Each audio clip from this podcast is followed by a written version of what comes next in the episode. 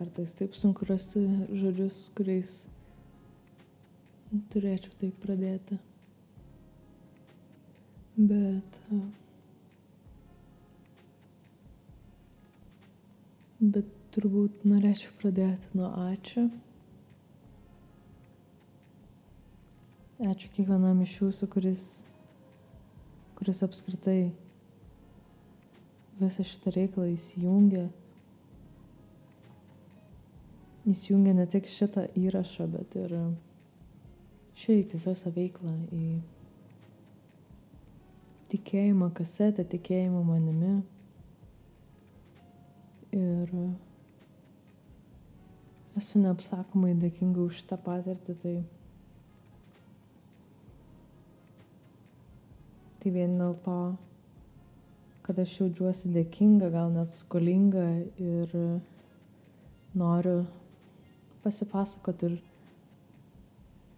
pasidalinti savo mintimis apie tai, kodėl šiuo metu kasetė nebeveikia. Ir kaip iki to buvo prieita, kodėl buvo prieita, kažkokie mano išsigryninti galbūt um, išsigrynintos klaidos, kokias padariau. Ir, ir jo, tiesiog galvojau atvirai su jumis pakalbėsiu ir kartu išgersiu arbatas, tai jeigu norit pasidarykit arbatas irgi ir, ir paklausykite mano monologą išsikalbėjimą. Tai jo. Um, tiem, kas nežinote, mano vardas Emilija. Aš įkūriau kasetę kartu su savo draugais ir uh, buvau paskutinis žmogus likęs kasetėje. Tai, tai jo, tai aš kaip ir tas pagrindinis žmogus, kuris viską organizuodavo, darydavo, galvodavo, produsuodavo, guess. Tai, tai jo, malonu susipažinti, jeigu susipažinome tik dabar. Ir aš galvau, kad aš pradėsiu nuo to, kaip iš tiesų užsiveda kasetė ir jos veikla Nes aš manau, kad tas kontekstas, nuo ko viskas prasidėjo, nuo ko, nuo ko mano mintis atėjo, iki kur nuėjo, manau, gali labai padėti, bandant suprasti, kodėl šiandien esam situacijai, kokioje esam. Tai dėl to aš taip šiek tiek apimsiu visą istoriją, e, kad būtų lengviau į, įlipti mano kailį, į mano batus. Nors bet kokiu atveju tai turbūt neįmanoma, bet kad įsivaizduotumėt, um, kame gyvenau. Um, tai kalbant apie kasetės pradžią, viskas labai pasidėjo paprastai, iš tokio jaunatviško naivumo, kažkur esu taip sakęs, kad um, tiesiog aš kažkurį kartą žiūrėjau intervų su muzikantais Lietuvoje ir man atrodė visiškas šūdas, žinai toks tipo apie nieką kalbėjimas. Mm, ir čia aš dabar kalbu apie kokius, nežinau, 18 metus, 17 metus, kai man atrodo, kad tiesiog visiškai nėra įdomaus turinio apie lietuvišką muziką. Nu, nėra tai pateiktas skaniai ir, ir čia tik dabar per pastaruosius keletą metų tapo cool klausytis lietuviškos muzikos, bet žiūrint keturis, penkis metus atgal, nu, tai buvo dar tas toks keistas tabu, kad lietuviška muzika yra šūdas ir čia mes kalbam tik tai apie, apie estrados muziką, daugiau nieko naujo, šviežio, vakarietiško čia neturim. Bet šitie dalykai labai drastiškai pasikeitė. Ir aš ant to pasikeitimo momento tokia sakau, nu fucking hell, reikia, reikia tiesiog imti ir kažką tai bandyti kurti su tais muzikantais. Ir iš pradžių tai viskas prasidėjo nuo noro daryti interviu, po to su draugais bekalbant, mm, sugalvojom net ir ten visokius koncertų kalendorius, kurie mums labai daug sekėjų atnešė, nuo ko, manau, visas didžiausias sekėjų skaičius turbūt atėjo nuo mūsų koncertų kalendorių, kuriuose mes tiesiog visus atlikėjus sutegindavom, visus įdomius renginius e, visoje Lietuvoje, lietuviškos muzikos. Ir manau, tas buvo labai naudinga. Mm, kiekvienam žmogui, kuris šiaip klauso lietuviškos muzikos, bet ir tam, kuris galbūt nori atrasti ir gauti tą, sakykime, jau suvirškintą, su, sutvarkytą informaciją, kaip sakant. Tai Tai jo, tai viskas labai išsivystė iki to, ką mes turim šiandien, į daug daugiau negu tik interviu. Bet jo, pačioj pradžioj aš, kai tik kilo man mintis kažką tokio daryti kaip kasetę, aš supratau, kad aš to nepadarysiu viena ir man natūralus, uh, natūralus toks thought process buvo, kad reikia daryti su draugais, gi bus fun. Ir ir pasiūliau savo tokiai draugų šaikai kartu daryti kasetę ir kurti tai. Ir iš pradžių viskas buvo man taip tipo žiauriai įdomu, kaip aš tai turėčiau pateikti. Nu, ir aš neturėjau kažkaip ten daug žinių kažkokių tai apie tai, kaip turėtų vykti kasetė, kas joje turėtų būti. Tai mes tiesiog daug kalbėdavom ir rašydavom, išrašydavom įvairias mintis, ką mes norėtumėm su to padaryti, kaip įsivaizduojam, net ir tas pats pavadinimas, o jėzus, jį turbūt mes ilgai žiauri galvojam, kol pagaliau atėjo kasetė ir čia šitą pavadinimą ne aš sugalvojau, o, o e, viena iš draugų, man atrodo. Ir, ir viskas buvo žiauri exciting, aš tokia buvau, wow, wow, pant, pant dar prieš paleidžiant kasetę, pamenu, susitikau su pora žmonių, kurie, kuriuos Lietuvos muzikos industrijoje laikiau autoritetais. Ir jeigu nors vienas iš jų klauso, tai jie žino, kas jie yra, aš nežinau, ar jie nori būti įvardinti, bet buvo keli žmonės, kuriais susitikau ir aš norėjau jam papasakoti apie, apie šitą idėją ir paklausti, ką jie apie tai mano. Ir, ir iki šiol šiti keli žmonės dar vis turi tą tokį, žinai, sweet spot mano širdį, nes jie visų tuo laiku pakankamai mane palaikė ir, ir, ir buvo šalia vienu ar kitu būdu, nebūtinai fiziškai. Tai kažkoks toks moralinis palaikymas buvo nuo pat pradžių. Tai labai tuo džiaugiausi. Tai gavau aprūvmentą iš tų kelių svarbių žmonių, kuriuos laikiau autoritetais ir tebe laikau. Ir tokia, yeah, let's do this, bandom daryti kažką tokio, čia kažkas bus krizė, čia kažkas bus fun, žinai. Ir jo, pradėjom ir po truputį rinkosi Instagramo followeriai, nes pagrindas mūsų viso, visas ir buvo realiai tik Instagramas. Tik, man atrodo, beveik nu, gal po pusės metų aš tik tai e, sukūriau website. Tai, tai jo, tai viskas maždaug taip prasidėjo ir buvo fan fan pirmą mėnesį. Įrašėm pirmą interviu su Mariam Meilūnu iš grupės Pilnatys. Čia irgi labai atskiras ir gilus experiences man buvo, nes šiaip žiauriai sunkus interviu buvo, Ir apskritai pirmas toks rimtesnis pokalbis e, mano kaip žurnalistės karjerai. Tai, tai jo, tam buvo tikrai toks experiences ir aš labai dėkinga Marijai už tai, kad jisai tokiai jaunai merginai kaip aš leido, leido mokytis ir ir apskritai įsileido į savo namus, į savo širdį, į savo istoriją. Tai tas buvo labai gražu. Jo. Ir mes jau pasileidom kasetę, paleidom pirmą intervą ir pamenu jau po truputį aš supratau, kad vyra ta draugystė su žmonėm, su kuriais pradėjom kasetę kol finale ta draugystė visiškai subiro ir, ir tie žmonės nebėra mano draugais dėja. Ir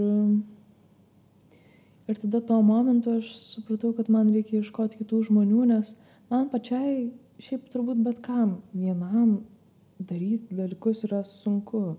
Komandoje daug lengviau viens kitą pamotivuoti, spirti šikną ir, ir, ir įdėti pirmin, žinai, viens kitą kritikuoti. Ir tada taip gavosi, kad tie draugai išėjo ir susiradau naujų komandos narių, su kuriais labai vaibinom, kurie, kurie šiaip kasetės idėją žiauriai palaikė. Nes aš pamenu, įkėliau tiesiog istoriją, gal kas norit prisijungti prie komandos. Ir žiauriai daug žmonių parašė ir aš su kiekvienu iš jų susitikau. Ir, ir nemažai naujų komandos narių įsijungė. Aš jau tokią visą grafiką buvau sudėliojęs, ten kaip kas ką daryti, tokie kažkokie tai darbiniai departmentai, kur kas dirba, kokioj srity, kas ten su nuotraukom, kas su video, kas ten kažką. Tai žodžiu, bandžiau menedžinti visai nemažą komandą. Ir viso to metu, net pradėjus kasetę, dar ko aš nepaminėjau, kad aš viso to metu realiai studijavau Londone ir grįždavau į Vilnių, sakykim, nuo gegužės pradžios ir būdavau iki rugsėjo vidurio. Tai toks, nu, trečdalis metų Vilniui treč, ir du trečdaliai būdavo Londone. Tai jo, dar čia šitas svarbus aspektas, kad aš dažnai būdavau e, toli, tai todėl man turėti komandą, kuri būtų Vilniui ar Kaune, e, buvo labai naudinga. Tai aš išvažiavau tą rudenį, kažkaip 19 metų rudenį į, į Londoną. Pamenu, įsikraušęs į namus, rašiau paustą apie Aga mašiną ir paustinau ten kažką su nuotraukom. Ir, ir jo, per nuotolį e, dalykai sunkiai ėjosi. Yra labai sunku motivuoti kitus žmonės, motivuoti save, rasti tam laiko.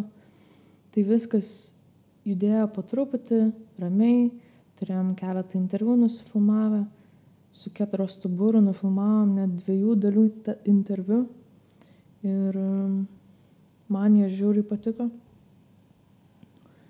apskritai pats tas tipo ant baidarių plaukiant šventąją upę, mes tiesiog kalbamės apie gyvenimą, apie plaukimą, apie vandenį, nu, man, wow.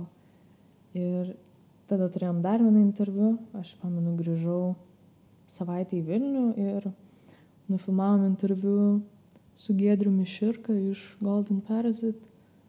Tai irgi ten toks išsikalbėjimo ir atradimo atradimų pokalbis buvo žaliuosius ežeruos, tai man ten irgi toks, oh my god, ten toks, toks rudenio vaibus, tai jeigu kažkas norit pažiūrėti, tai dabar man atrodo labai gera nuotaika pažiūrėti tą interviu su Giedriumi. Tai,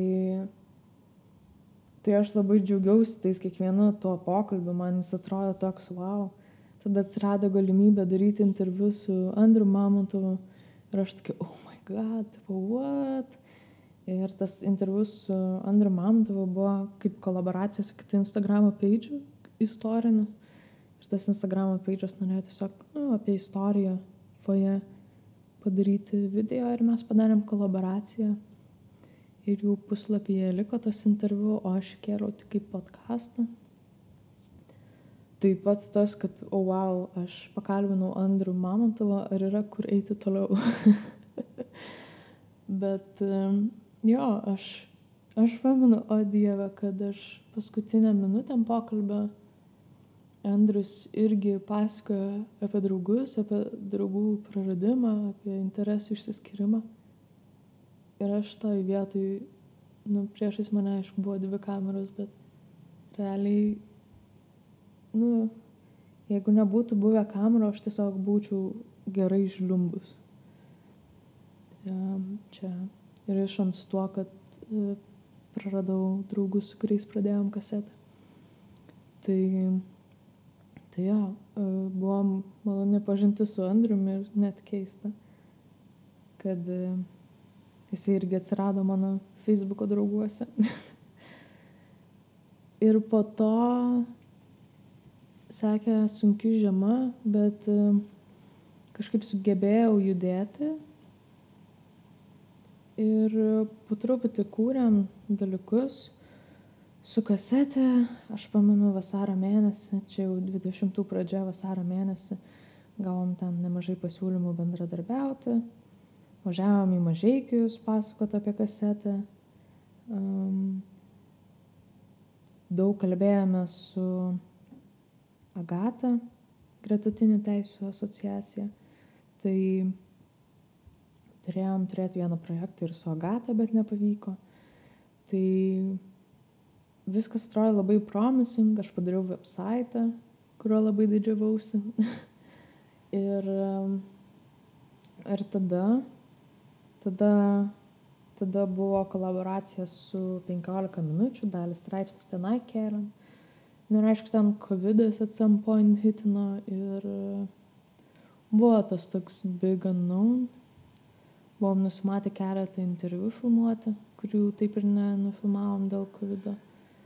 Ir jo, tiesiog viskas buvo labai keista, bet atsirado galimybė rašyti 15 minučių straipsnius, mes tą galimybę pasiemėm, rašėm, rašėm, kol, kol dauguma komandos narių pradėjo tiesiog atkritinėti vėlgi, kiekvienas dėl savų priežasčių ir jau ties dvidešimtų metų galu aš jau buvau likus viena komandai. Ir, ir tai buvo momentas, kai aš supratau, kad aš žiauriai neišeina man savęs motivuoti. Ir dauguma komandos narių išėjo dėl ar dėl mokslo, ar dėl psichologinių priežasčių, nes sunku panešti daug kažkokių tai veiklų besimokant ir, ir dar visokie psichologiniai šūdai lenda, kai COVID ir karantinas ir visos tos nesąmonės, tai tiesiog kai kuriem buvo per sunku likti. Ir likus vienai buvo, nežinojau tiesiog dėl ko aš, dėl ko aš dirbu. Ir tada tuo momentu aš supratau, kad aš neturiu kasetėj vizijos. Kad nežinau, kur tai turi nueiti ir apie ką tai yra ir koks mano kažkoks nu, didesnis tikslas, kurio aš sėkiu su projektu. Ir, ir tai, manau, man labiausiai kirto, nes aš nežinau, kur tai turi eiti. Aš nuo pat pradžių turėjau dviejonių, ar tai turėtų būti galbūt muzikos žurnalas, bet tada atsirado kažkurio tai momentu muzikos žurnalas. Ar tai turėtų būti edukacinė platforma? Bet dabar jau irgi yra atsiradusi edukacinė platforma apie muzikos industriją. Ar tai turėtų būti tiesiog muzikos naujienų portalas? Bet kad turime mes muzikos naujienų portalą. O gal tai yra konsultacinė vadybinė įmonė, kuri padeda atlikėjam būstinti jų karjerą. Tai maždaug su tokiom mintim aš sėdžiu ir, ir galvoju, ką aš tokio galiu pasiūlyti pasauliui, bendraja prasme, koks to tikslas. Ir aš kažkaip manau, kad po COVID daugam tokios mintis kilo apie tai, kam aš tai darau, kodėl, kur aš einu su tuo. Ir aš nesugebėjau atrasti tai atsakymų ir, ir ir pamenu, dar rašėm prieš kalėdas e, interviu su Kienu Blunt, džiugu. Visai smagiai pasikalbėjom ir aš buvau tokia hyped, kad galima nuotoliniu padaryti intervą, visai kokybišką. Bet po to aš jau nebesugebėjau atsistoti ir išleidom paskutinius įrašus Išleidau dar podcastą su Karoliu Višniausku, kurį buvom įrašę vasarą, praeitą vasarą. Apie muzikos žurnalistiką.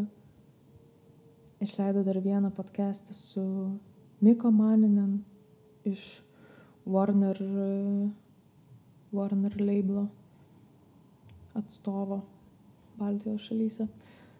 Ir tada išleidau Kianų Ir aš tiesiog sustingau, man atrodo, kažkurio tai momentu ir nebežinau, kur aš einu ir ką aš darau ir kodėl aš tai darau. Ir paleidom paskutinius tris interviu, um, kurie buvo vienas su, vienas su ego mašina, vienas su kamaniu šeliuliu ir su kablūnak. Ir tuom mūsų paustai baigėsi. Ir paskutinis įrašas buvo paleistas vasario ketvirtą dieną. Nuo to laiko niekas nebuvo įkelta. Kažkurio momento aš tik paupdeitinau website, kad e, kasetė stabdo savo veiklą, bet nežinau, ar kažkas tai matė. Ir, ir jo, stabdau kasetę dėl to, kad nežinau, kur tai turėtų eiti. Nes, kaip ir minėjau, edukacinių platformų apie muziką yra net kelios Lietuvoje.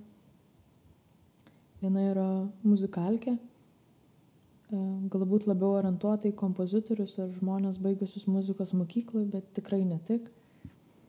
Kitas yra Music Lab. Ir man jie atrodo tokie pagrindiniai tą edukacinę temą liečiantys.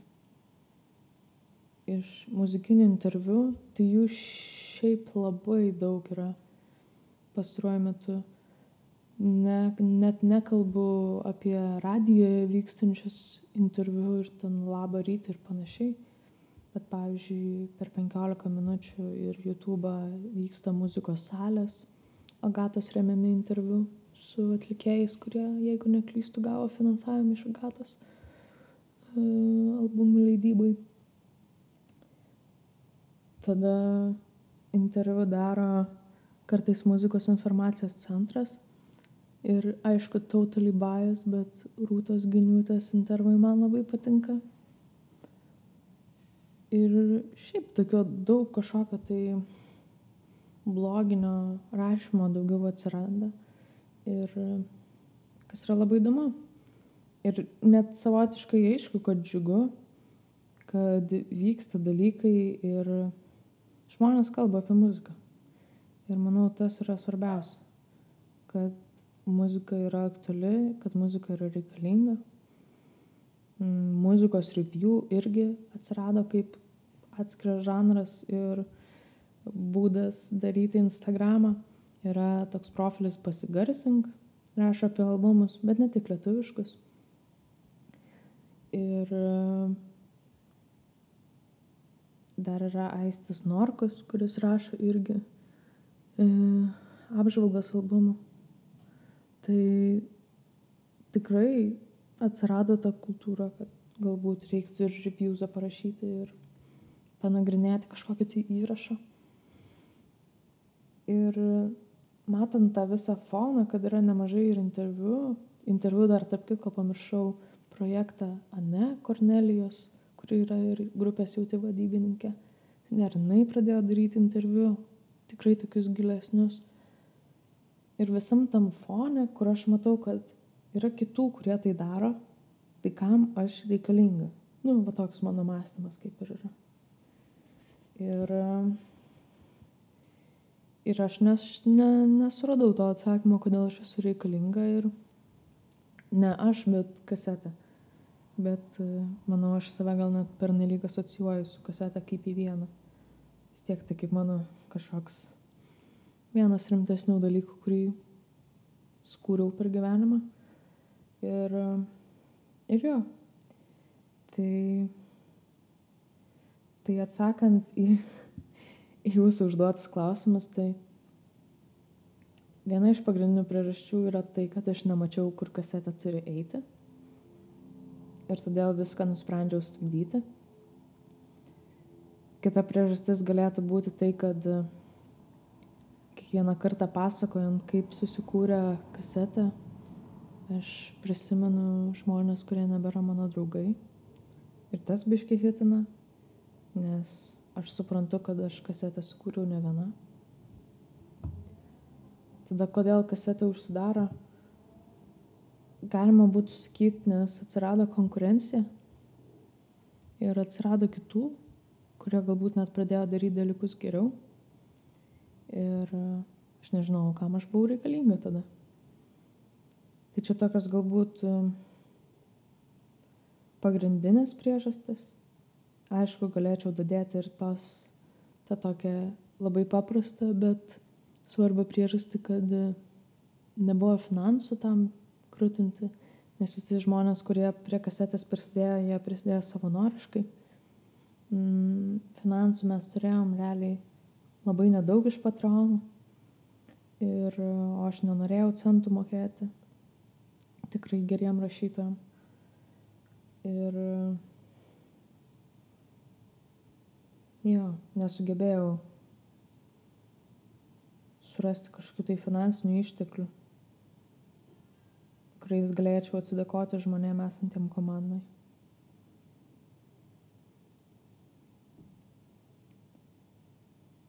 Tai jo. Tai trumpai pasakys tokios priežastis. Bet e, klausimų turėjot jūs ir daugiau, nes aš Instagram'e buvau padarius skirelį klausimą. Um, tai aišku, dauguma buvo apie tai, kodėl Ir buvo keletas klausimų apie tai, ar, ar bus kažkokia alternatyva, ar kažkas pakeičiančio kasetę. Tik kaip ir įvardinau, yra keletas ir Instagramo puslapių, ir šiaip puslapių, kurie rašo apie muziką, kleidžia naujienas, pasakoja, daro interviu, edukuoja. Tai tikrai tos informacijos yra pakankamai. Aš galėsiu pridėti gal nuorodas kur nors į visus, visus čia mano išvardintus uh, projektus nuo muzikalkės, music, music lab, muzikos informacijos centras, Aistis Norkus rašo review, taip pat puslapis, uh, o jėtus, kaip man, pasigarsink, mm, yra lietuviškos muzikos žurnalas pavadinimu Review, Review R-E-V-I-U Um, ir jo, visai tų projektų yra ir tikrai yra ką stebėti. Ir be klausimų, kodėl. Tai dėl tos alternatyvos vienas klausimas buvo, ar, ar užsidarius kasetai atsidarys kompaktinę plokštelę. Ir aš labai norėčiau tikėti, kad tai bus. Nes aš asmeniškai jaučiuosi išaugus kasetę. Ir man net pačiai uh, nebebuvo challenging uh, daryti interviu. Mm, nes aš neradau kažkokio tai įdomesnio tam formato, pasakoti tam tikras istorijas ir įdomesnio ir įperkamo, galbūt taip reikėtų sakyti, nes uh, filmuoti video yra brangu, daryti podcastus nėra brangu, bet juos padaryti įdomiai yra, sudė... yra sudėtinga. Ir uh, Šiaip tiesiog yra nemažai atlikėjų, kurie yra muzikoje tam, kad būtų muzikoje. Ir negali man galbūt įvardinti, kokie jų tikslai. Ir tiesiog yra atlikėjai, kurie galbūt man atrodo neįdomus. Paprastai pasakysiu. Tai jo, kažkaip man man tiesiog nusibodo daryti interviu. Einant į edukacijos pusę man labai patiko, bet žmonėm nepatiko. Aišku, galima į tai nežiūrėti, bet kam daryti tai, kas... Nežinau. Tai jo. Maždaug taip jaučiuosi ties to kad aš išaugau ir galbūt atsidarys kompaktinę plokštelę, jeigu aš jai matysiu viziją ir žinosiu, kokia jinai turi būti ir kur jinai turi eiti. Nes su kasete aš nežinau, kur jinai turėtų eiti, kokia jos paskirtis. Bet ir aišku, dar toks kaip ir svarbus aspektas yra tai, kad aš ir pačioj industrijai Lietuvoje jaučiausi viena. Nesijaučiau welcomed, nesijaučiau labai reikalinga kažkam tai. Dažnai nesulaukdavau net ačiū. Ir matyt, aš gal per jautrus tam žmogus esu. Nes aš labai norėdavau feedbacko, aš norėjau būti bendruomenės dalimi, bet aš čia tikrai nesijaučiau Tai toks psichologinis asmeninis dalykas, bet manau, kad jisai irgi turėjo įtakos uh, bent jau mano motivacijos nebuvimu, nebuvimui tam tikrais atvejais. Ir uh, matau čia jūsų daug klausimų, net ir tokių, kur, kur sakot, ką aš be jūsų darysiu. Tai koncertų kalendorių tai kaip ir niekas nedaro, bet uh, idėja kažkam tai, prašau, vokite. ir uh, dar vienas komentaras rašo, nepasiduokit, darykit archyvą, viskas, ką turit, nuskambės ateityje, pamatysit, tikiuosi neliūdit. Nuoširdžiai liūdim. Tiksliau aš. Gal jūs irgi. Bet uh, man tikrai yra liūdna ir man tai yra labai sunku padaryti, bet čia toks, aš tau pasakiau, kad man reikia savo leisti eiti pirmin. Ir dėl to bent kuriam laikui turiu paleisti kasetę nes jinai man velkas iš paskos kaip kažkoks trigeris ir aš tokia fucking hell. Ir tiesiog sorry. Bet uh, turiu tai padaryti mažiau mažiausiai dėl savęs. Dar vienas klausimas yra apie tai, ką išmokai iš šio projekto. Ir uh, daugybę dalykų nuo, nuo to, kaip imti interviu, iki profesionalaus elgesio tarp tam tikrų žmonių. Išmokau viešai kalbėti geriau negu anksčiau mokėjau. Išmokau daug apie podcastus, YouTube, marketingą, social media. Tiesiog viskas super exciting ir labai reikalinga dabar turbūt. Tai labai daug tokių techninių dalykų daug išmokau, kas man labai patinka ir kuom labai labai džiaugiuosi, kad išmokau. Um, bet va ta paskutinė pamoka ir buvo išmokti paleisti. Tai mokausi paleisti.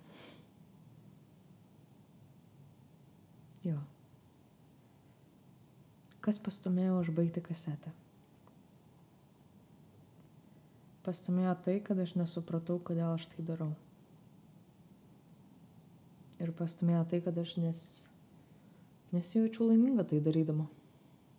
Ir manau, tai yra pakankama priežastis sustoti. Tai aš sustojau, daviau savo laiko pagalvoti. Ir nusprendžiau, kad bent kol kas turiu tai paleisti. Tai va. Tai čia galbūt tokie pagrindiniai jūsų klausimai buvo. Ir um, tikimybė, kad kasetė grįž galbūt ir yra, bet tikrai negreitų metu. O tuo tarpu aš, kaip Emilija, ruošiuosi dirbti su savimi. Šiuo metu dirbu kaip atlikėjų vadybininkė ir konsultantė. Tai man tas žiūri patinka, nes dirbu pagal profesiją, dirbu su žmonėm, kurie man yra labai įdomus. Ir labai tom džiaugiuosi. Tikrai nuoširdžiai. Tai mano kol kas kelias yra kaip vadybininkės. Ir šią akimirką esu Londone, į kurį grįžau po metų su pusę pertraukos, nes noriu toliau kilti savo karjeros laiptais čianai. Man atrodo, kad tiesiog išaugau iš Lietuvos muzikos industrijos, ta prasme, kad